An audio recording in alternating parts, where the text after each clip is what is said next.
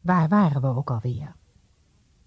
Gert-Jan Maassen leest vooruit Het geheim van de Doemai, geschreven door Gerbrand Venijn.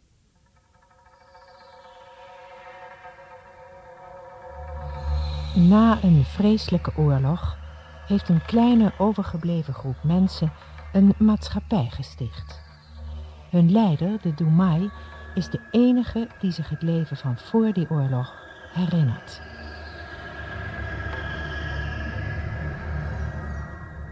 Deel 1 Doga Dova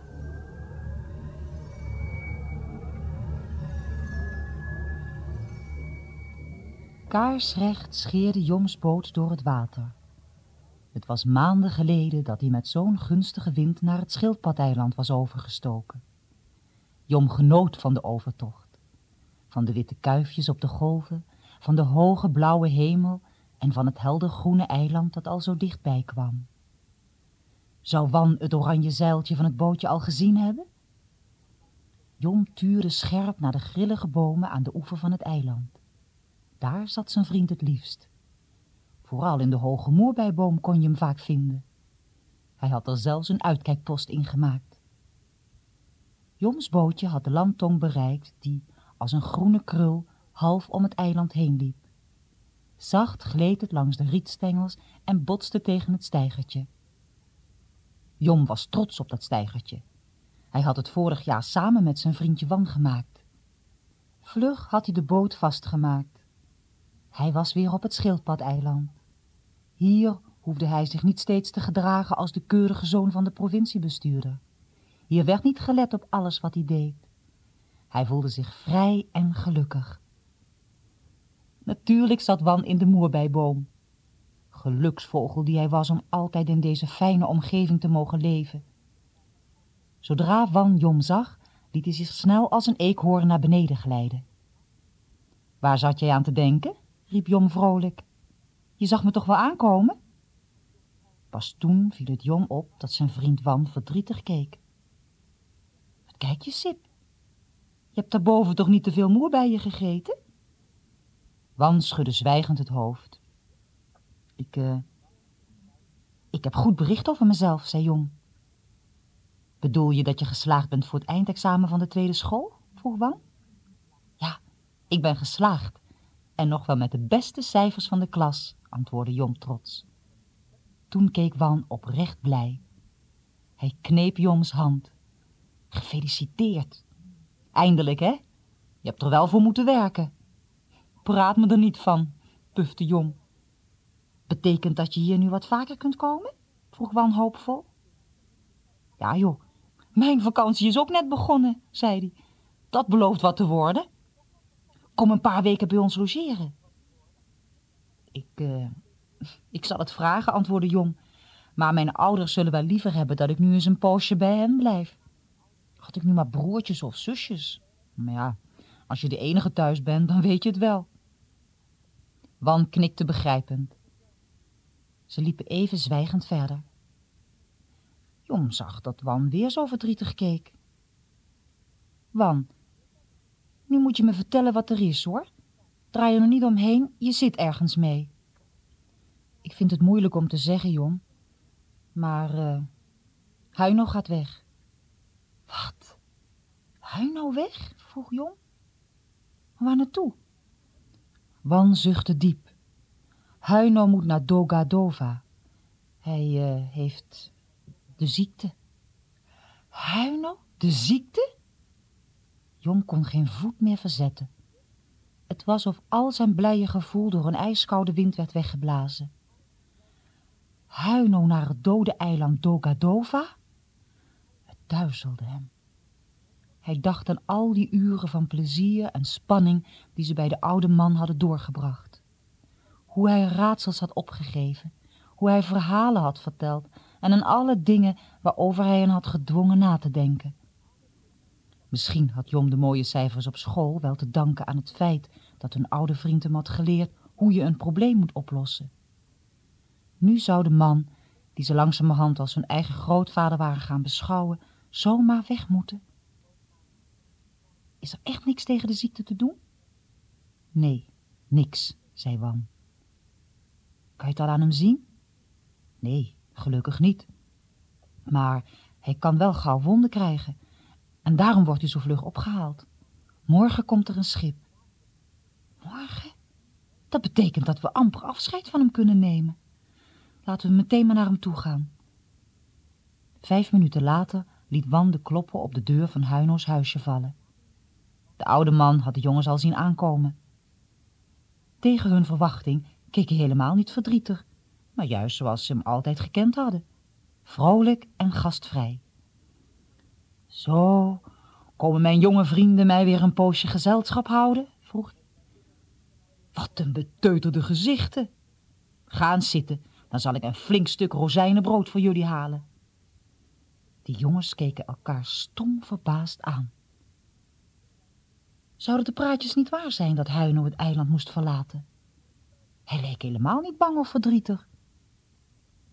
Is, uh, is het niet waar? vroeg Wan toen Huino was gaan zitten. Niet waar? Wat bedoel je? Nou ja, dat u ziek bent. Jawel, jongen, ik ben ziek en ik ga weg. Morgen word ik opgehaald door een zeilschip. Maar vinden jullie dat je daar treurig over moet zijn?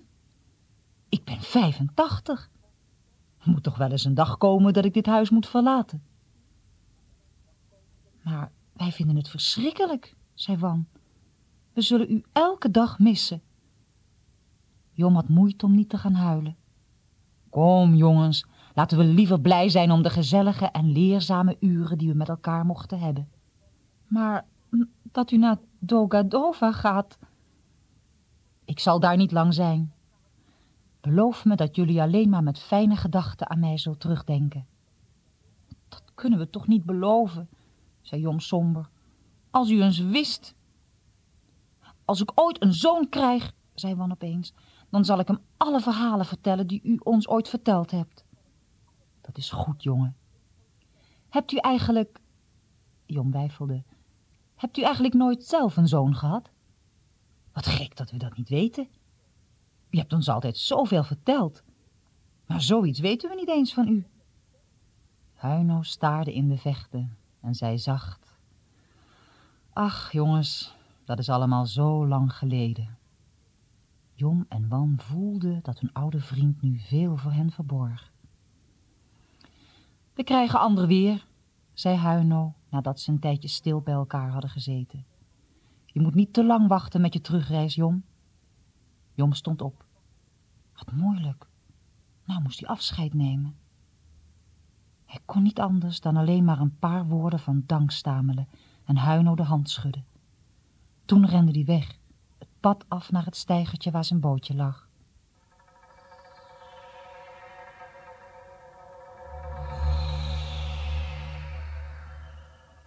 Huino had het goed gezien. Het weer veranderde. Wolken pakten samen en de wind stak op. Toen Jon buiten de luwte van het eiland kwam, rukte de storm als een wolf aan zijn bootje. Hij schrok ervan. Hij had niet gemerkt dat de wind zo snel was aangewakkerd. Het zou niet makkelijk zijn om terug te varen. Als hij zijn ouders niet beloofd had dezelfde avond weer terug te komen, was hij vast en zeker meteen maar omgekeerd, terug naar Schildpad-eiland. Het duurde niet lang of het was helemaal donker. Tot overmaat van ramp begon het ook nog te regenen. Het werd een complete storm. Toen hij probeerde zijn zeiltje wat te reven, pakte een grote golf het bootje. Jon moest zich aan de mast vastklemmen om niet overboord gegooid te worden. Hij was kletsnat. Ik haal het niet, dacht hij in paniek. Ik ga terug. Ik, ik moet terug. Zo goed en zo kwaad als het ging, liet hij de schoot vieren en met de keiharde wind in het kleine zeil voer hij terug. In het donker waren de omtrekken van het eiland nauwelijks meer te zien. Hier en daar pinkelde een lichtje tegen de ronde heuvel. Ik zie niet waar ik ben. Het eiland kwam al dichterbij, maar Jon wist niet waar het bootje hem aan wal zou brengen. De wind gierde. Als ik maar nergens vastloop, er liggen zoveel rotsen. Een schok, een krakend geluid. Ja, hij was vastgelopen. Hij zag meteen hoe ondiep het er was. Hij sprong overboord en trok het bootje voorzichtig dichter naar het strand. Een hele opluchting dat hij niet op een van de klippen was vastgelopen. Zo, hier lag het bootje goed, in de luwte van een groot rotsblok. En nou, waar ben ik? Met de regen en de wind in zijn rug strompelde hij het strand op. Waar ben ik? Hé, dat is toch... Tot zijn grote verbazing zag Jong dat hij vlak bij het huis van Huino was. Voor de tweede keer vandaag. Bij Huino. Hij wist niet hoe vlug hij het pad moest opklimmen naar de zo vertrouwde deur van Huino's huis. Toch, voordat hij de klopper op de deur liet vallen, keek hij door de ramen naar binnen. Hij zag zijn vriend aan tafel zitten. Er lag een stapeltje papieren voor hem. In zijn handen had hij een klein vodje. Hij las het, heel aandachtig. Wat zag hij nou er anders uit? Zo heel ernstig en ook zo verdrietig. Jong begreep opeens dat Huino zich vanmiddag goed had gehouden. In werkelijkheid was hij niet blij en rustig. Jong aarzelde en klopte toen op de deur. Het duurde even voordat Huino de deur opendeed. Jong, jij hier? Kom gauw binnen. Jong vertelde in een paar zinnen wat hem overkomen was. Zijn blik viel op de tafel. Hé, hey, het stapeltje papieren was weg. Had Huino die zo snel opgeborgen? Gelukkig dat je er heel huids afgekomen bent, jongen. Ga gauw bij de haard zitten. Trek je kleren uit, dan drogen we die. Jom kreeg een warme deken om zich heen en voelde zich langzaam bijkomen. Huino legde de kleren voor de haard, haalde een nap warme soep uit de keuken, gooide een stuk hout op het vuur en mompelde maar. Merkwaardig, heel merkwaardig. Het leek wel of Huino iets met zichzelf uit te vechten had. Eindelijk haalde hij diep adem, ging zitten en keek Jom met grote, ernstige ogen aan. Jom, vind jij het niet vreemd dat je na je afscheid van vanmiddag gedwongen bent om nog eens afscheid van me te nemen? Ja, ja, dat is wel vreemd, knikte Jom. De wind heeft me hier naartoe geblazen. En je bent bij mij terechtgekomen. Jom knikte. Eerlijk gezegd ben ik er wel blij om, want ik vind het heel erg dat u weggaat. Huino stond op. Hij liep naar de tafel. Opeens had Jom een vreemd gevoel. Alsof zijn vriend hem een geheim wilde toevertrouwen. Hij dacht aan de papieren die daar gelegen hadden en waar Huino zo aandachtig in had zitten lezen. Hij zette zijn lege nap neer en schoof wat verder van het vuur af. Hij was nieuwsgierig geworden. Ik keek straks bij u naar binnen. U zat uh, te lezen. Er lag een stapel oude papieren op tafel. Huino stond eerst even als aan de grond genageld en ging toen weer zitten. Jong, zei hij, ik weet iets over het verleden. Meer dan alle mensen op ons eiland. Ook meer dan de Domai? Ach, jong, wie weet er nou meer dan onze machtige leider, de Domai? Hij is meer dan anderhalve eeuw oud. Nee, ik weet niet meer dan hij. De wind rukte aan de deur en aan de luiken. Huino keek geschrokken opzij. Er kwam toch niet nog iemand aan? Bent u bang om te vertellen wat u weet? vroeg Jom. Jom, het lijkt of iemand jou hier vanavond heeft teruggebracht. Iemand? viel Jom hem in de rede. Iemand? De wind is toch niet iemand? Nee, natuurlijk niet. De wind is niet iemand, mompelde Huino. Hij staarde even in het vuur alsof hij iets met zichzelf uit te vechten had.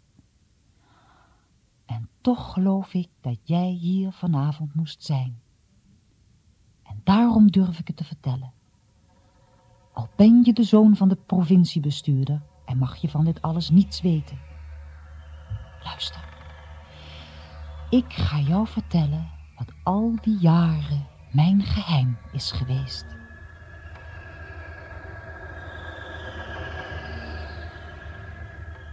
Gerte Jan Maassen vertelde uit Het geheim van de Doemai, geschreven door Gerbrand Venijn.